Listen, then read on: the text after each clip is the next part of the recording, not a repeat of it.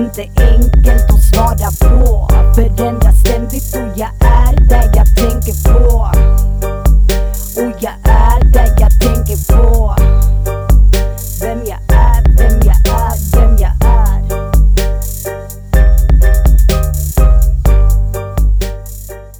Hej och hjärtligt välkommen till Monkey Mindset. Jag heter Daniel Sjöstedt. I ett, antal, eh, I ett antal gamla poddar så har jag pratat om vanor och hur man skapar vanor. Det finns en hel del forskning på det här och det finns också en tydlig konsensus. Det vill säga att de flesta som lär ut det här med vanor och som har undersökt hur vanor funkar, de är överens, i alla fall i stora drag. Och för inte så länge sedan så kom en ny bok i det här ämnet. Den heter Tiny Habits och den är skriven av BJ Fogg. Och det här är den bästa boken hittills om vanor, tycker jag. Eh, och jag kommer prata mer om den här boken i nästa avsnitt. Den kommer på svenska i november, tror jag. Men idag så kommer jag prata allmänt om vanor och önskade beteenden. En vana, det är ett beteende som görs med någon typ av automatisering. Det betyder att just det här beteendet är enklare för mig att utföra än vad det hade varit om det inte vore en vana. Och ett bra exempel på det här tycker jag är bilkörning. För när man precis börjar att lära sig att köra bil så kan det kännas som att man har hundra saker att tänka på. Du behöver kolla på trafiken framför dig, du behöver hålla koll på backspeglarna, du behöver växla, och om du ska svänga eller byta fil så behöver du kolla i backspeglarna i en viss ordning och så behöver du sätta på blinkersen och så vidare. Så de första gångerna som man övningskör, särskilt om man kör där det finns lite, lite annan trafik, kan vara väldigt jobbigt mentalt. Man blir helt slut efteråt. För det mesta av det du gör, det gör du ju med ditt medvetna sinne. Du behöver tänka då, blinka när du ska blinka och du behöver medvetet tänka hur växlar jag till tvåan till exempel, när du ska växla till tvåan. Men efter ett tag så går ju allt det här automatiskt. Då behöver du inte tänka på att sätta på blinkersen när du ska svänga. Du behöver inte tänka på att kolla i backspeglarna utan allt det här sker automatiskt. Och du behöver inte snegla ner på växelspaken varje gång som du ska växla. Så precis i början, när du började köra bil, så behövde du lägga ner hela din uppmärksamhet på bara föra bilen framåt någorlunda säkert. Och om någon pratade med dig eller om någonting oväntat hände så var det väldigt jobbigt eftersom det inte fanns så mycket mer eh, hjärnkapacitet kvar att ta av. I just den här delen av hjärnan som, som styrde det här. Arbetsminnet har jag kallat det i andra poddar. Men när det här då blir en vana och flyttar bort från arbetsminnet så kostar det väldigt lite energi att köra bil. För så många av de här momenten som du behövde tänka medvetet på, de är nu automatiserade.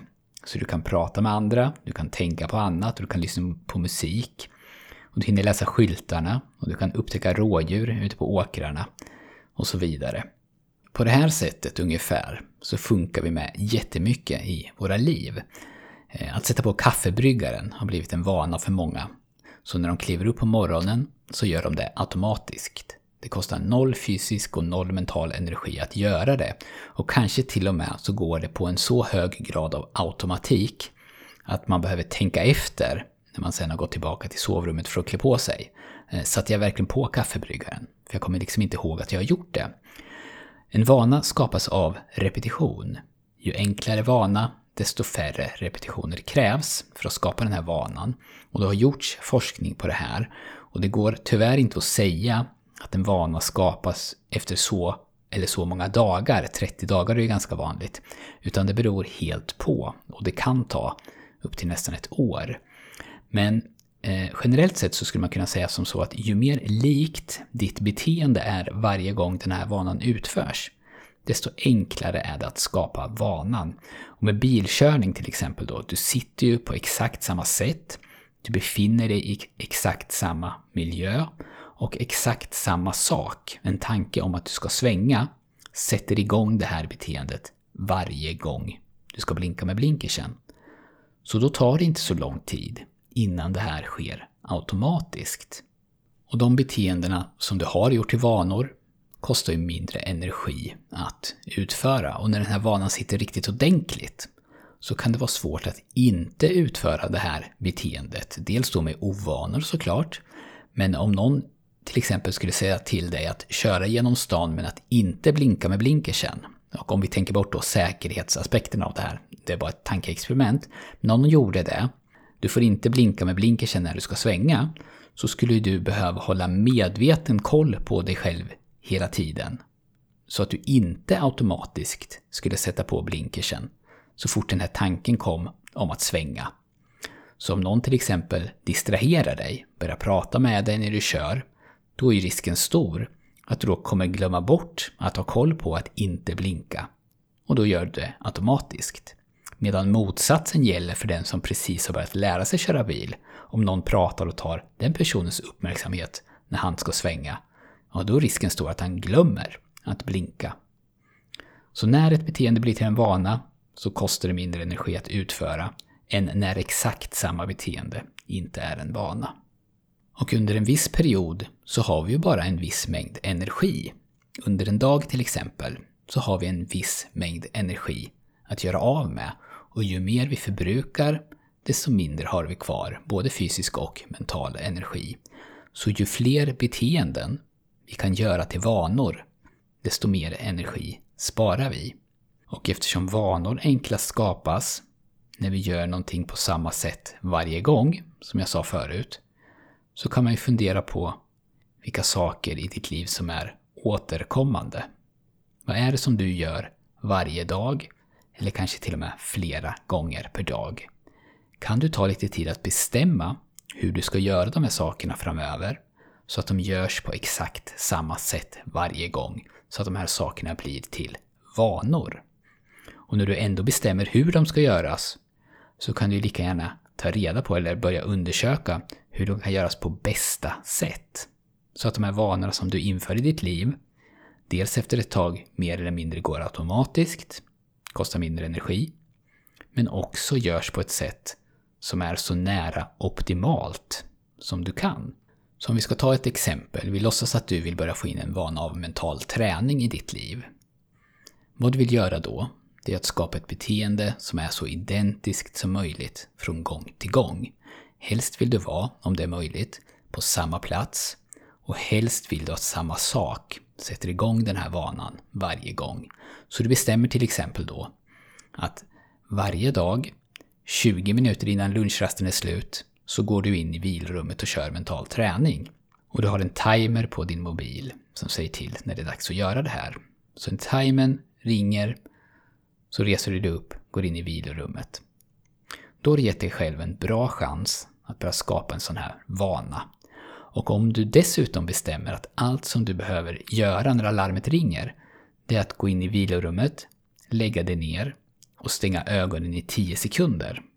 Då har du ökat dina chanser ännu mer och det här handlar ju om att starta löjligt smått och vi kommer prata mer om det i nästa avsnitt. Men då är ju beteendet så litet att det inte finns någon ursäkt för att inte göra det varje dag. Att resa sig, gå in i vilorummet och stänga ögonen. Det kan du göra varje dag. Och om du ändå märker att du inte gör det här, då behöver du göra beteendet ännu mindre eller förenkla för dig själv på andra sätt. Så att du varje gång alarmet ringer gör det som du har satt upp som minimibeteende. För när du har skapat en sån vana, alltså det här minimibeteendet att bara kliva ut ur lunchrummet 21, gå till vilrummet och lägga dig ner i några sekunder i det här fallet, då kommer resten också att komma. Då är det bara en tidsfråga. För då är det svåraste gjort. Och att göra så här, det är otroligt mycket mer effektivt än att säga att från och med nu så ska jag försöka få in mental träning varje dag. Helst på lunchen och om det inte blir av på lunchen så ska jag göra det hemma. Med så här vaga regler kommer det här önskade beteendet bli svårt att göra till en vana. Och om det ändå blir så kommer det ta mycket längre tid än nödvändigt för att det här med mental träning ska sluta kosta energi. I en perfekt värld, eller åtminstone i min perfekta värld, så har jag skapat sådana här rutiner för så många saker som möjligt i mitt liv. Så att de beteendena som jag vill göra, alltså sånt som tar mig framåt och sånt som får mig att må bra, att det sker så automatiskt som möjligt och att det är så optimerat som möjligt.